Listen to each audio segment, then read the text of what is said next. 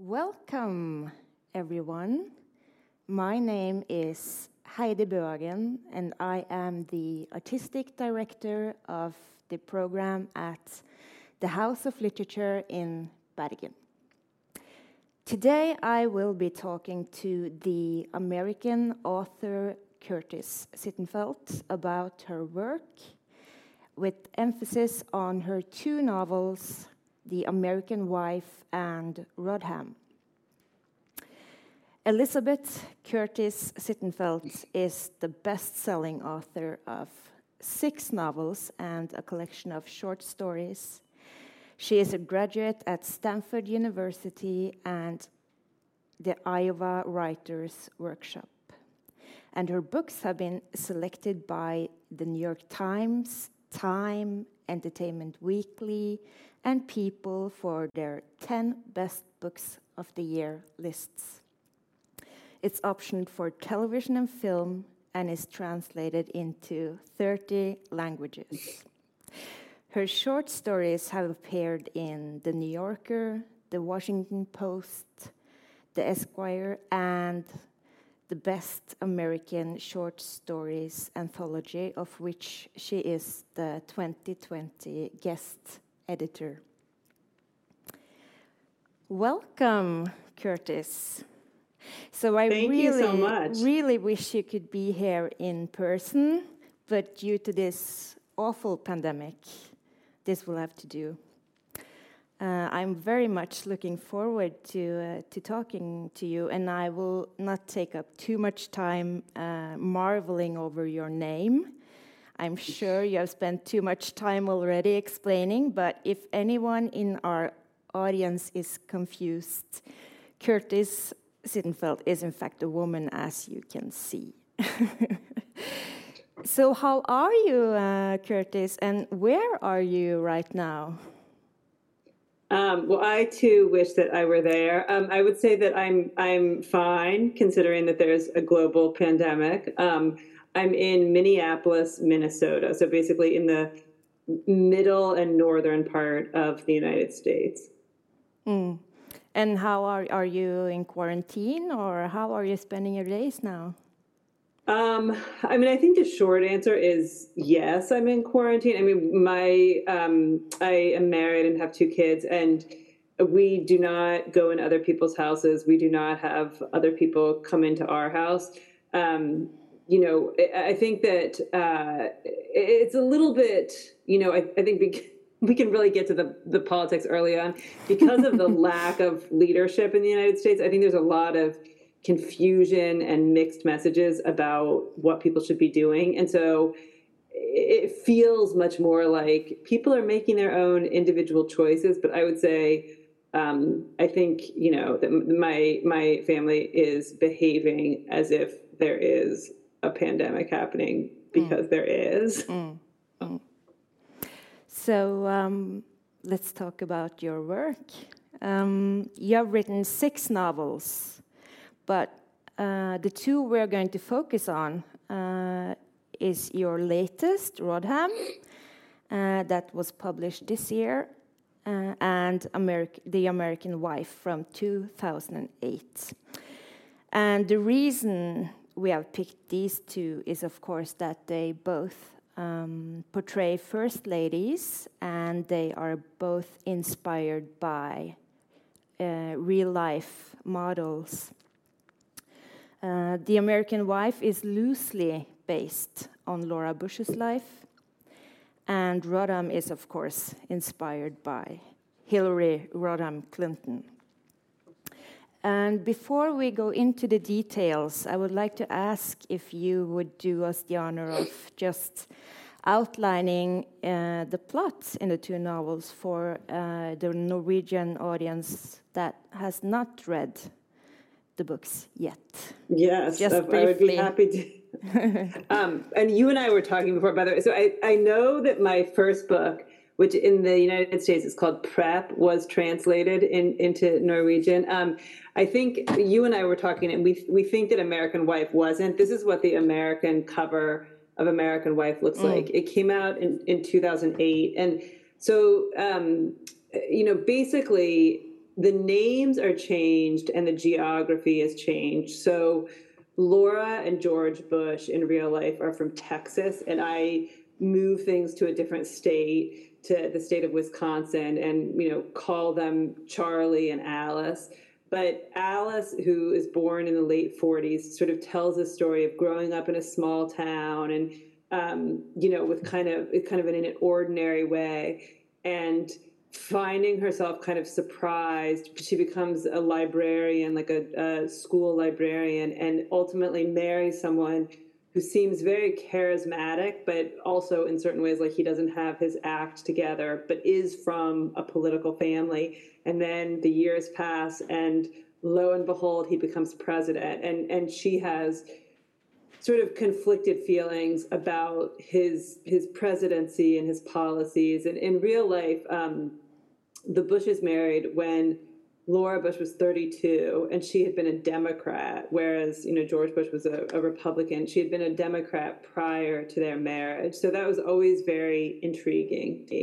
Um, you know the kind of how you reconcile potentially differing political views from the person that you're you're married to and then i mean i think that's hard enough under normal circumstances and then if, if they're the president it's you know even more complicated um, and then rodham it's funny because the, the, two books in some ways are very similar um, but also very different. So in rodham i use real names. Um, I use the, the real names Hillary and Bill, and but I actually write a sort of alternate history. And so it opens when Hillary is in her early 20s. She's graduating from college. She's giving a speech, which all of which really happened at, at Wellesley, where she a- attended college. And this speech ended up getting national attention. And then she goes to Yale Law School, meets and falls in love with Bill Clinton. And in real life, um, both the Clintons tell the story that Bill proposed twice and she said no. And then she said yes the third time. And most of the novel is about what if she had said no the third time also, she had, you know, gone her own way and sort of led her own life. But so it's it's a an alternate history that has a very strong relationship to real history or real events, and in some ways is like a a, a not um, you know not incredibly subtle you know, observations about the 2016 election. Mm. Um, going back to the American wife, um, as you said, it's loosely based on uh, Laura Bush's life, and uh, she was a Republican first lady, um, even though she started out as a Democrat herself. Um, I think she's portrayed in a very um, sensitive and favorable way. Uh, how or when did you decide to use her life as a springboard for your novel? Has have you been fascinated by her for uh, a long time? Um, so I, I, I should say also like I'm definitely a Democrat. I did not vote for George W. Bush. I did not vote for, for Donald Trump. Um, I, I, did vote for Hillary Clinton, and you know was devastated that she did not become the president. Um, so one thing, again, as I mentioned, Laura Bush was a librarian, and when she and George Bush moved into the White House, she would hold or host literary salons and this was there was an article about this in the New York Times. And often, I think the writers, most of whom were liberal, you know, the overwhelming majority of American writers are liberal or progressive, um, would would accept the invitation. They would show up. They would assume that she hadn't read their work or wasn't really familiar with their politics. Like in some cases, they had been overtly critical of her husband. And then they would discover that she had read every word they'd ever written and was very conversant in all of their books. And it just seemed to me, you know, when the Bushes were in the White House, that there was this discrepancy between the public perception of Laura Bush and who she was according to people who knew her. Um, just that, you know, people kind of said that she was this almost like glassy eyed, perfect, adoring wife who was well dressed and like never said anything controversial. And I felt that that was a very reductive or superficial or sexist way of looking at her, and that there was lots of evidence that she was actually a very complex person. Hmm.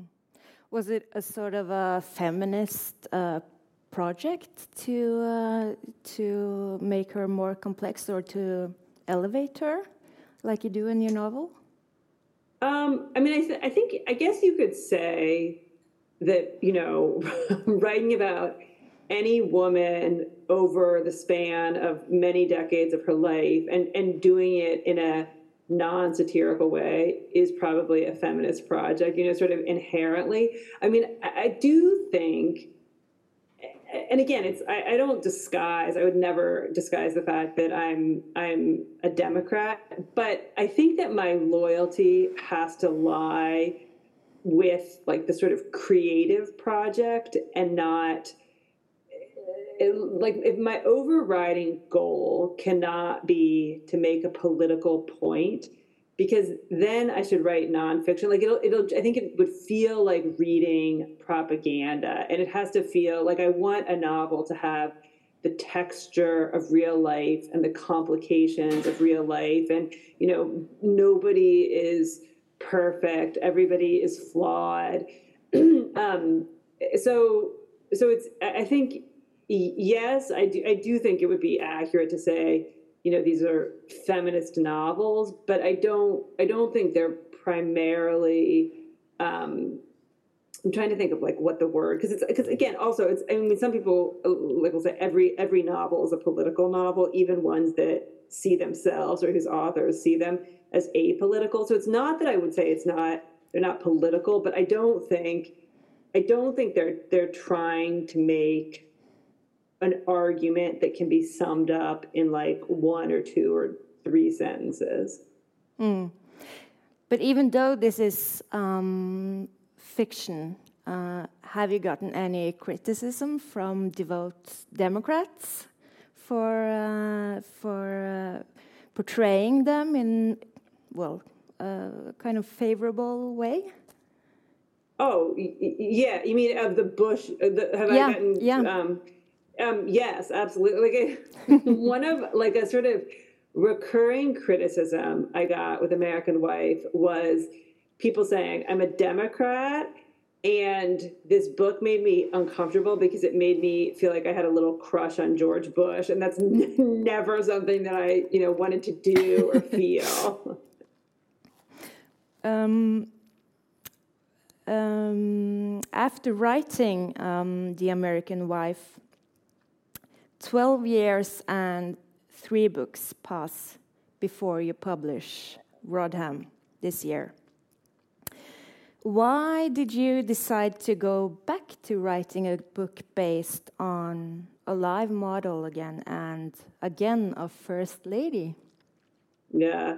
Um, well, there's a few possible answers to that. I mean, one one thing is you're completely correct that I I have written two novels about two first ladies. You know, in my parallel universe in Rodham, Hillary does not become first lady, mm. and um, so um, I think what made me write this book was my interest in like the first female major party nominee for president in the United States. Um, it wasn't. I didn't really conceive of it as a first lady book. Although, again, it's not mm. like like I'm, do not feel like what are you talking about. um, so, uh, what happened was after I had written American Wife. In some ways, I had put myself into this category of being a political writer. And so sometimes editors, especially at magazines or newspapers, would reach out and say, "Do you want to write an essay about this, you know, political topic?" Or when Hillary was running for office in 2016, I was certainly invited to write essays about her. Um, and I would almost always decline because I felt like she had been so dissected and analyzed by so many people for so long that I felt like I had nothing new to say about Hillary Clinton. Um, and then in early 2016, many months before the election, um, an editor at Esquire magazine reached out and asked if I would like to write a short story from her perspective. So it was writing, you know, in the first person, like as I, as I sit in my pantsuit, you know, thinking about being Secretary of State or whatever. Um, and I was on the fence about doing it. I accepted the invitation, and that gave me the experience of instead of like this question that has been asked for my entire adulthood of you know what do the american people think of hillary? The question as i wrote that story was what does hillary think of the american people? And so i, I actually thought like oh i have a lot to say about that i mean it's it's made up. I've never met her. I don't know her but i do have a lot to say. So that that happened. You know i thought that she would be elected president in november 2016 she wasn't. Mm. um, and I, around the time of that election, I'd had this realization that children who knew who she was and knew she was running for president, in many cases, didn't know that Bill Clinton existed. And after she did not become president, I found myself wondering would the outcome of the election have been different if adults also didn't see Hillary as so attached to Bill? Um, and so I, I had to write the novel to kind of figure out more of what I thought. Yeah, that's that's so interesting because uh, I was about to say um, uh, the version of her um, where uh, she's not uh, that attached to Bill Clinton also is a reality in some ways, as you say, because children uh, hadn't experienced her as uh, the first lady, and uh, well, also I guess the uh, the young voters, because they didn't have probably didn't have a vivid memory from 15 years back. Yeah, so, so yeah, in that way, she was. She's in your book. She doesn't, as you say, that's correct. She doesn't become a first lady, uh, but also in real life, there is a generation now that uh, also sees her primarily as a politician in her own rights. Yeah, I think that's definitely true. So there's a family I know um, where a, a, little girl, when she was, I think she was six, and she was Hillary for Halloween and wore a pantsuit and a wig. and um, and I think maybe two or three years passed, and she has two dads, and one of her dads um, was sort of talking to her and and had the realization and told me because I'm friends with him that he, that she did not know that Hillary had been first lady. So mm. the hmm. Hillary that she had been for Halloween was the Secretary of State or the presidential candidate. It was not the first lady, which again, you know, sort of goes into like my fascination with with this different lenses through which we see her. Mm. So I would love for you to read an excerpt from your latest book. Would you uh, do us the honor? I would be delighted to. Um, so this is there are a few um, you know kind of time periods in the book, and this is in the early 1970s. Or actually, by this point, it's it's the mid 1970s, and you know, Hillary and Bill have met at Yale Law School, fallen in love, finished law school. He moves back to Arkansas to start his political career, and she has moved there, even though, you know, it's considered a sort of like it has big cities, but it's considered kind of a rural state, or you know, um, it's not New York, it's not California, um, and so some of the people who love Hillary think like, why would you move there for him? That's not where your best professional prospects are. Um, but she's lived there. They're both professors. He's he ran for for uh, for Congress for for a political office already and didn't win. Um, and she's been in Arkansas for about a year. And she just went on a trip and has returned to um, Fayetteville, Arkansas. On the way to pick me up, Bill had passed a house on California Boulevard that he knew with such certainty we should buy that he used a payphone inside the airport to call the real estate agent listed on the yard sign. After he'd hung up, he said, She can show it to us in half an hour. We drove directly there and he parked on the street. The house was very small but pretty, a brick Tudor near campus. Before we climbed from the car, I said, There's something I need to talk to you about. He must have recognized my unusual tone because he looked at me with apprehension. Last November, right before the election, a woman approached me in the parking lot of Chuto's, par- of Chuto's Market and said she'd been a volunteer for your campaign and that you'd, I hesitated, but only for a split second, forced yourself on her. Immediately, he said, that didn't happen. She said it was in April, April of 74, obviously. Did you hear me? I just said it never happened. He seemed irritated, which was mildly reassuring. Do you know who I'm talking about? How the hell would I know who made a false accusation against me? Once you run for office, you're a public figure. Anyone can say anything. I just can't believe that you think I'm capable of this. I didn't say that. But you've been mulling it over for the last six months. Jesus Christ, Hillary. A part of me felt the impulse to soothe him, but we needed to get to the other side of this by walking through it. I said, Did you ever have sex with anyone at the headquarters? That's the campaign headquarters. He bit his lip, and I could tell he was moving from irritation to anger. I understood the question I should have asked instead. I said, How many women did you have sex with at the headquarters? I wasn't the one who wanted to spend a year apart, he said. Do you know why I suggested dating other people? I realized as I spoke that this was true because I knew you'd screw around, and this way we could both pretend I was all right with it. He glared at me. What's the point of all this? If you can't trust me, what are we doing? If I can't trust you, I repeated, and I could hear my voice rising, it's because you've done everything short of taking out a billboard telling me not to. You have no right to act like I'm paranoid when you're the one who betrayed me.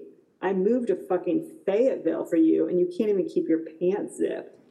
There was something horrifying and refreshing in this bluntness.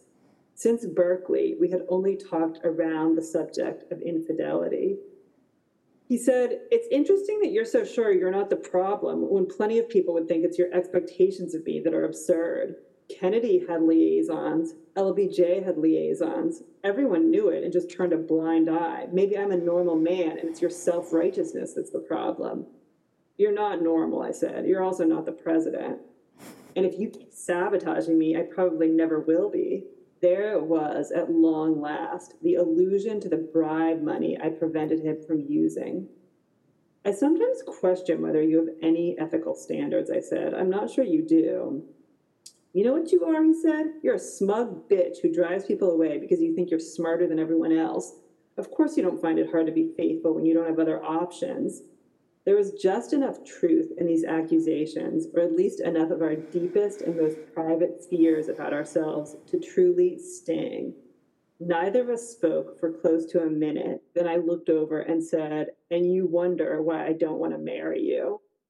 I got out of the car and slammed the passenger side door, and he drove away with my suitcase still in the trunk. Mm. Intense. and it's so, funny. I, have never read that out loud. Like, I mean, I think I read it to to edit it, but I've never read it for other humans. so it everything blows up. It's a terrible fight, and um, this is the point in your novel where the plot line takes a completely different turn from the real life Hillary Rodham. So this scene is the beginning of the end and the breakup between Hillary and Bill. So everything after this in uh, the novel is a kind of literary alternate universe where Hillary Rodham does not marry Bill Clinton but stays single and she focuses on her uh, career and she rises to the very top. Um, and you already told us uh, that you rooted for Hillary in the 2016 election, but how um, how satisfying was it to write this uh, version or to rewrite history to her advantage?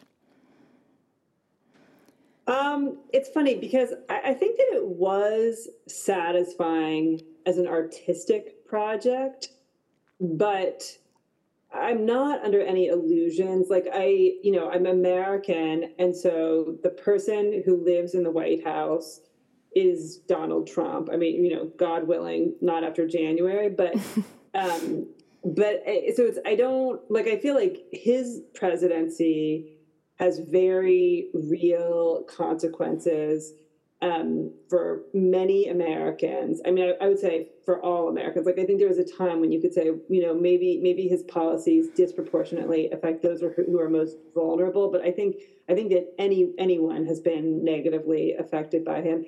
Um, and so I don't really feel like I had the last laugh politically. You know, like I sort of was able to manipulate things artistically, but, not in real life, only in my imagination. Mm. So I first read uh, Rodham and then uh, The American Wife immediately afterwards uh, because I was so uh, fascinated when I discovered you had a similar literary project. And uh, what strikes me when I compare those two is you mentioned some of it, but um, is how you both uh, move further towards uh, nonfiction and facts. In Rodham, the second book, you use real life names, and the book is called Rodham. Uh, and you even have uh, uh, a picture of Hillary uh, on the cover, so there's no doubt who this book is about.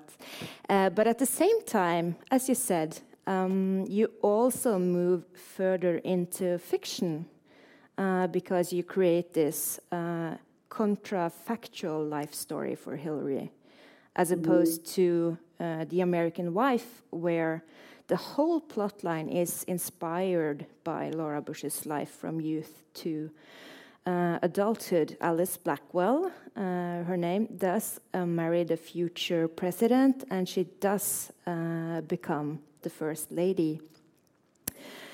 Did you feel more free uh, to explore in the writing of Rodham, or how would you uh, describe the process of writing if you were to compare those two?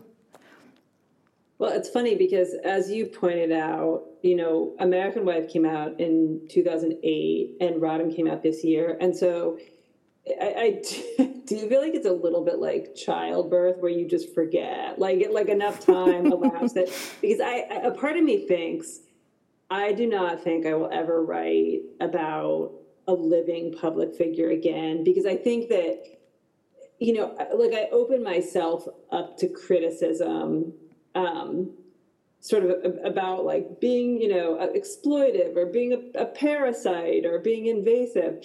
And I, I also I think that read because readers have familiarity with these people. I think to a greater extent than readers realize, some of them almost like have their own Hillary novel or Laura Bush novel inside them, and they know what they would do, and so they're judging the book not based on sort of how it succeeds on its own terms, but how much it deviates from the way they would have written it. Um, so I don't know. There's just there's just like a flavor of feedback or like a.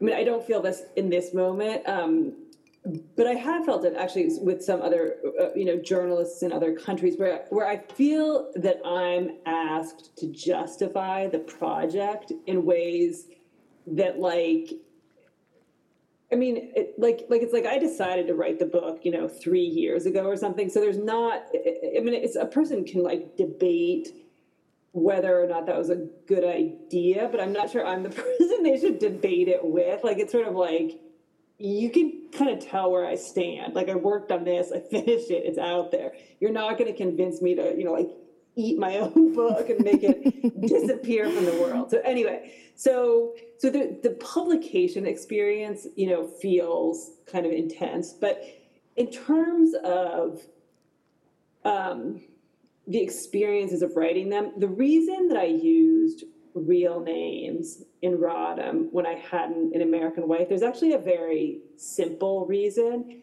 um, and it's that because I was changing the historical record, I thought I saw it almost like a science experiment where you only want to change one variable. So if I said these characters are named um, Helen and Bob, not Hillary and Bill, but Helen and Bob, you know, they meet at Yale Law School, they fall in love, then instead of getting married, they go in two different directions. I thought that the reader might think, what is this book? Like, I thought it was about the Clintons, but then they don't get married. And, and at some point, also, you know, if the character of, of Helen, um, instead of entering politics, if she marries someone else and, you know, maybe becomes like president of a university and has three children or something, then that's just a story. I mean, it could be an interesting story, but it's a story about an American woman born in the late 1940s. It's not really Hillary Clinton specific. And I, I really wanted to write about sort of specific elements of the 2016 election. So I wouldn't say I felt liberated writing Rodham in that even though um, it deviates from reality, it sort of it still has a strong relationship to reality. And so I was constantly deciding, you know, what to keep, what to ignore um, from real life and recent history. Mm. I'm not going to try to convince you that you did something wrong, but but have you ever, when you write, do you ever worry about uh, the reader is confusing uh, your fiction with reality? Um, trying to think if I worry about that. I think that that many readers have said, I read your book, and then I started, you know, feverishly Googling to figure out what was real and what was not real. So I actually think, if anything, I think my books spur people to educate themselves about their own gaps in knowledge.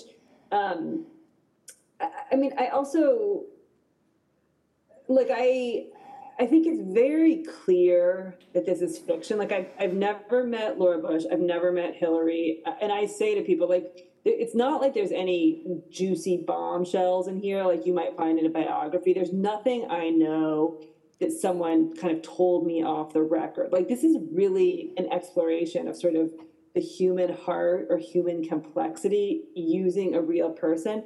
I mean, it's also like, uh, like when you think about what Hillary has been subjected to. So as a side note, I was 17 years old when Bill Clinton moved into the White House when he was became president and she moved into the White House.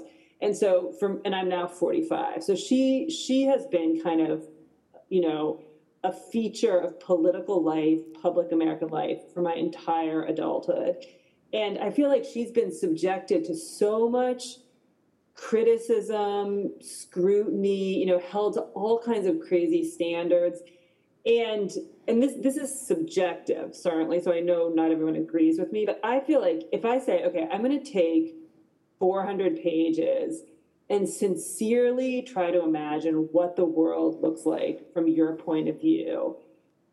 I, I, I feel like that's actually you know like you could certainly say well that you didn't do it quite right or whatever but like like to to explore her humanity in its fullness I think is an act of almost admiration or respect when you know like people the, the things that people say like that, oh, she's you know she's so corrupt and she's a liar and there's like all, all these mocking you know t-shirts and bumper stickers and you know like still trump is like having people chant lock her up at rallies. Like I, I just sort of think you hmm. know really out of out of that whole kind of like landscape it's it's this novel that's that's the worst transgression. Like i'm not convinced of that but you know yeah different have, people have different opinions yeah i have to say um, i agree with you and one thing is hillary but uh, after I read The American Wife, uh, I felt much more uh, sympathetic uh, towards George W. Bush. and I did not have the best impression of him beforehand. Uh, and first of all, I think that is a testament to literature's um, innate power to um, uh, innate power and and how it can evoke empathy, as you said. And I totally agree. I yeah, mean, for, for what it's worth, Yeah, Oh, and se second, uh, I think it's it's a, a manifestation of the quality of your writing, also, of course. Um, and of course, I will have to add uh, third. It's it's because when I was reading *The American Wife*, I was um, thinking about the current Republican uh, president uh, and comparing Bush to him. So, goes to show that everything is relative. I know, guess. I, know. I mean, I feel like the way that that people, including me, felt when George W. Bush was president, like sort of like, oh my God, he just said this shockingly embarrassing or ignorant thing that you know. And now it seems like he's like the embodiment of wisdom and elegance. I mean, I will say, okay, I I think that my feelings about Bush were that he was a bad president. Like that he, I mean, he made many choices that very negatively affect affected the lives of you know not just Americans but obviously like Iraqis you know to name one other nationality. Um, but that you know if he were my friend's uncle and I was seated next to him at a wedding that he would be really charming. And I think that there are some people who feel like acknowledging those two kind of almost contradictions is uncomfortable or you know even irresponsible or something. Like to say you're a bad president you're responsible for you know for wars and deaths and and like you're kind of funny and endearing. Like just like you know don't don't let those coexist or don't acknowledge that those can coexist. And i think i think it's important to acknowledge that they coexist because in some ways that's how someone like George W. Bush ascends to power. It's by being sort of endearing in, in lots of smaller interactions. One of the characters in uh, Rodham states that uh, he thinks political autobiographies are underestimated. Um, are you a big uh, reader of political biographies yourself? So the truth is, I feel like I have read several for research. Like if, if you said to me, you know, there's a brand new biography of so and so, I don't think that would be on my must read list unless there was a reason. I, I it actually the funny thing is, and I think this also influenced um, my writing, Rodham.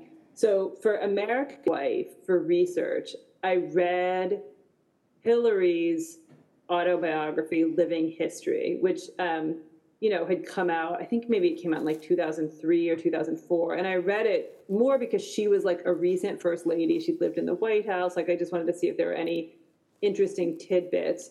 And when I read it, like I, as I said, you know, I was a teenager when Bill Clinton became president, and I had a sort of not extremely negative, but somewhat negative, you know, opinion of both Clintons, where I, I felt like I had really admired them when he was elected, and then it seemed like so many scandals kind of attached themselves to both of them when they were in the White House. And when I read her autobiography, I did think to myself, are the reasons that I have a somewhat negative opinion of her grounded in fact, or are they based on these sort of like vague rumors and conversations with the media? And, you know, like every time she's introduced, it's almost like she's she's called polarizing or um, you know, like like is it sort of like this this way of kind of criticizing her that just wears down anyone any any you know member any american or um like you you think that you, you we all have i want to have this temptation or have this impulse to think that we're not influenced by like conventional wisdom or media repetition but of course we are. So anyway so i did think to myself you know so much of the criticism of hillary is not grounded in like her her lived experience the jobs she's had the issues that she's really like cared about and promoted and engaged with so so there was that where like I, I think that maybe I don't know if I would have written Rodham if, if it wasn't like that I had that in the background.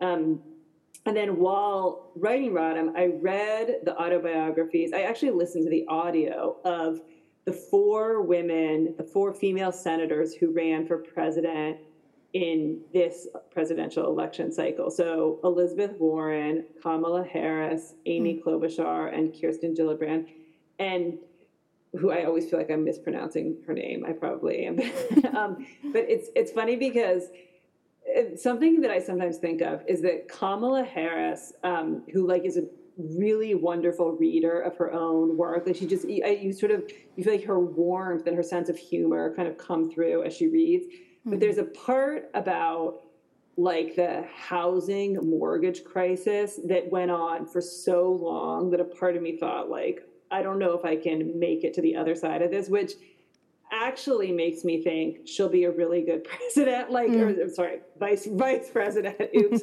um, but but that she you know, like someone who who can go on and on and on about like the housing crisis you know like like the things that maybe don't make for riveting re- like i was kind of like okay i'm with you for like two three four pages i don't know how many pages because i was listening not reading it but um but yeah like it's you know you you want a politician to really get into the details and care about that stuff that's not necessarily what makes the most interesting reading. But then, but I feel like inside all of those books, there are these like really fascinating, funny details. And I think most of them probably worked with a ghost writer, which, you know, doesn't offend me at all. But, um, but yeah, there's like, you know, details about like crushes they had or like their childhood or their mm. friendships or like even like there's a, there's sort of a, you know, a chunk about Kamala Harris meeting and falling in love with her husband, which I just, it was like, you know, catnip to me. I loved it.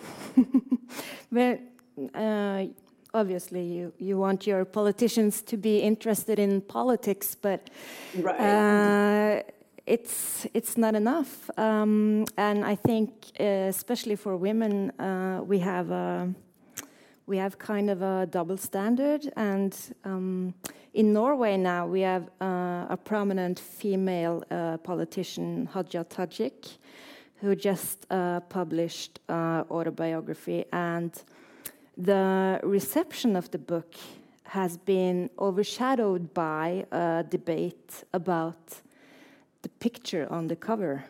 Um, oh, is this the like no no shirt? Is that the? Uh, I think she has a lace singlet or something, but she is she is uh, posed on a stoop uh, in a teal blue velvet suit, and she's in high heels and leaning confidently against the camera and. Her critics uh, say that she looks too sexy, too glamorous, and too um, American, actually. and uh, the opponent um, says that the fact that we are discussing uh, the cover and not the content of the book is a symptom of how we have different standards for um, male and female politicians. So nobody criticizes male politicians for being sharp or sexy or looking confident. Um, so this double standard uh, is also a theme in your books, especially Rodham, I think. And in a passage in Rodham, uh, Hillary wonders how much time her opponents spend worrying about being likable. Uh, why do you think it is that women in power needs to be likable or relatable or approachable? I don't know. I mean, I, I think that's a really good question. Like, it, yeah, I, gender roles and gender norms are so strange, and I don't. I, I have to cough. Sorry. um, I don't know why. You know, like, uh, well, I, think it's a fascinating question. Um, why have things evolved as they have? But certainly, I do think female politicians and probably almost any woman in the public eye who's sort of operating at a you know a high professional level is held to a different standard where it's you know like she's supposed to be attractive but not too sexy and you know and and there's so many questions about like especially if it's a woman who has children like how do you how do you do your job and be a mother where like no one ever asks a man how do you do your job and be a father mm. and I, I don't i don't know like where this all comes from i'm actually reading a book right now um, that's called it's like a, I think a 1992 book by um, a professor named Stephanie Coontz, and it's called The Way We Never Were. And it's sort of about, I think, especially in the United States, the, the kind of ten- tendency to mythologize like the family structure of the past and but I, I don't i don't know why we are the way we are i mean some of probably why i'm a novelist is trying to like explore my own confusion mm. i think you do a good job in showing how frustrating and paradoxical and unfair it is in Rodham. Well, I mean, and, and a lot of that. So, in addition to the book Living History, there's also, um, you know, Hillary wrote a book that came out in 2017 that was sort of about the 2016 uh, election called What Happened. And she talks very explicitly about like the pink tax. And, you know, if, if a woman on the campaign trail doesn't have her hair and makeup done, people ask if she's sick or if she, she's fatigued or exhausted or whatever. Or um, she, I think this happened to Hillary, but it has also happened to other female senators where they'll be like presiding in the Senate chamber, you know, sitting up at the like the big desk. And a, a page, like a sort of very junior, almost like delivery person or assistant, gives them a piece of paper that says like cover your cleavage.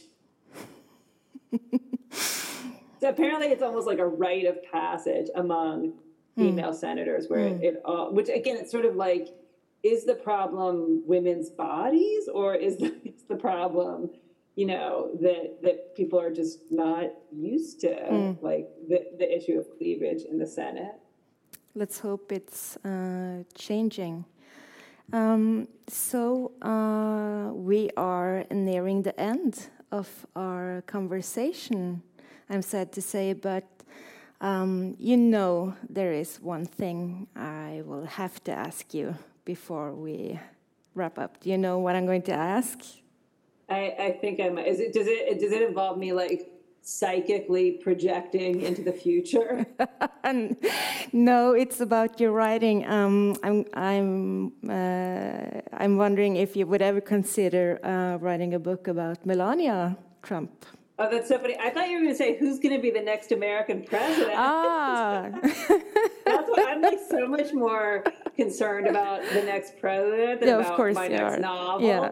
Um, I will never write a book about Melania mm. because, so again, even though Laura Bush is, you know, technically, I think, a Republican, although I think that both Bushes have said that they either didn't or won't vote for Trump or both. But um, even though she's a Republican, you know, I, I felt like I had sincere kind of respect for her and for her complexities as a person. Mm. And I, I don't admire Melania Trump. I don't find her interesting. Um, I'm really lucky that I get to kind of choose the fictional world that I live in and, and live there for like two years or something. And I can't imagine voluntarily choosing to spend my time imagining being married to the person she's married to. I mean, can you can you imagine like like spending several hours a day like thinking, you know? I'm afraid uh, you would be yeah. depressed or something. oh, I yeah. I mean, I just it, it's so so there's there's definitely no chance. So, um, dear Curtis, this has been such a pleasure talking to you. Um, thank you so much for your time and for your books. And um, we will be uh, following the election closely um, with suspense to see if Jill Biden is elected the next She's first like lady. um, yeah, well, thank thank you, thank you for your very thoughtful questions. Thank you for inviting me to do this, and perhaps in the fullness of time, we'll we'll get to do a variation on this in person. Yes, please come back in person next time, okay? I would take, love to. Take care.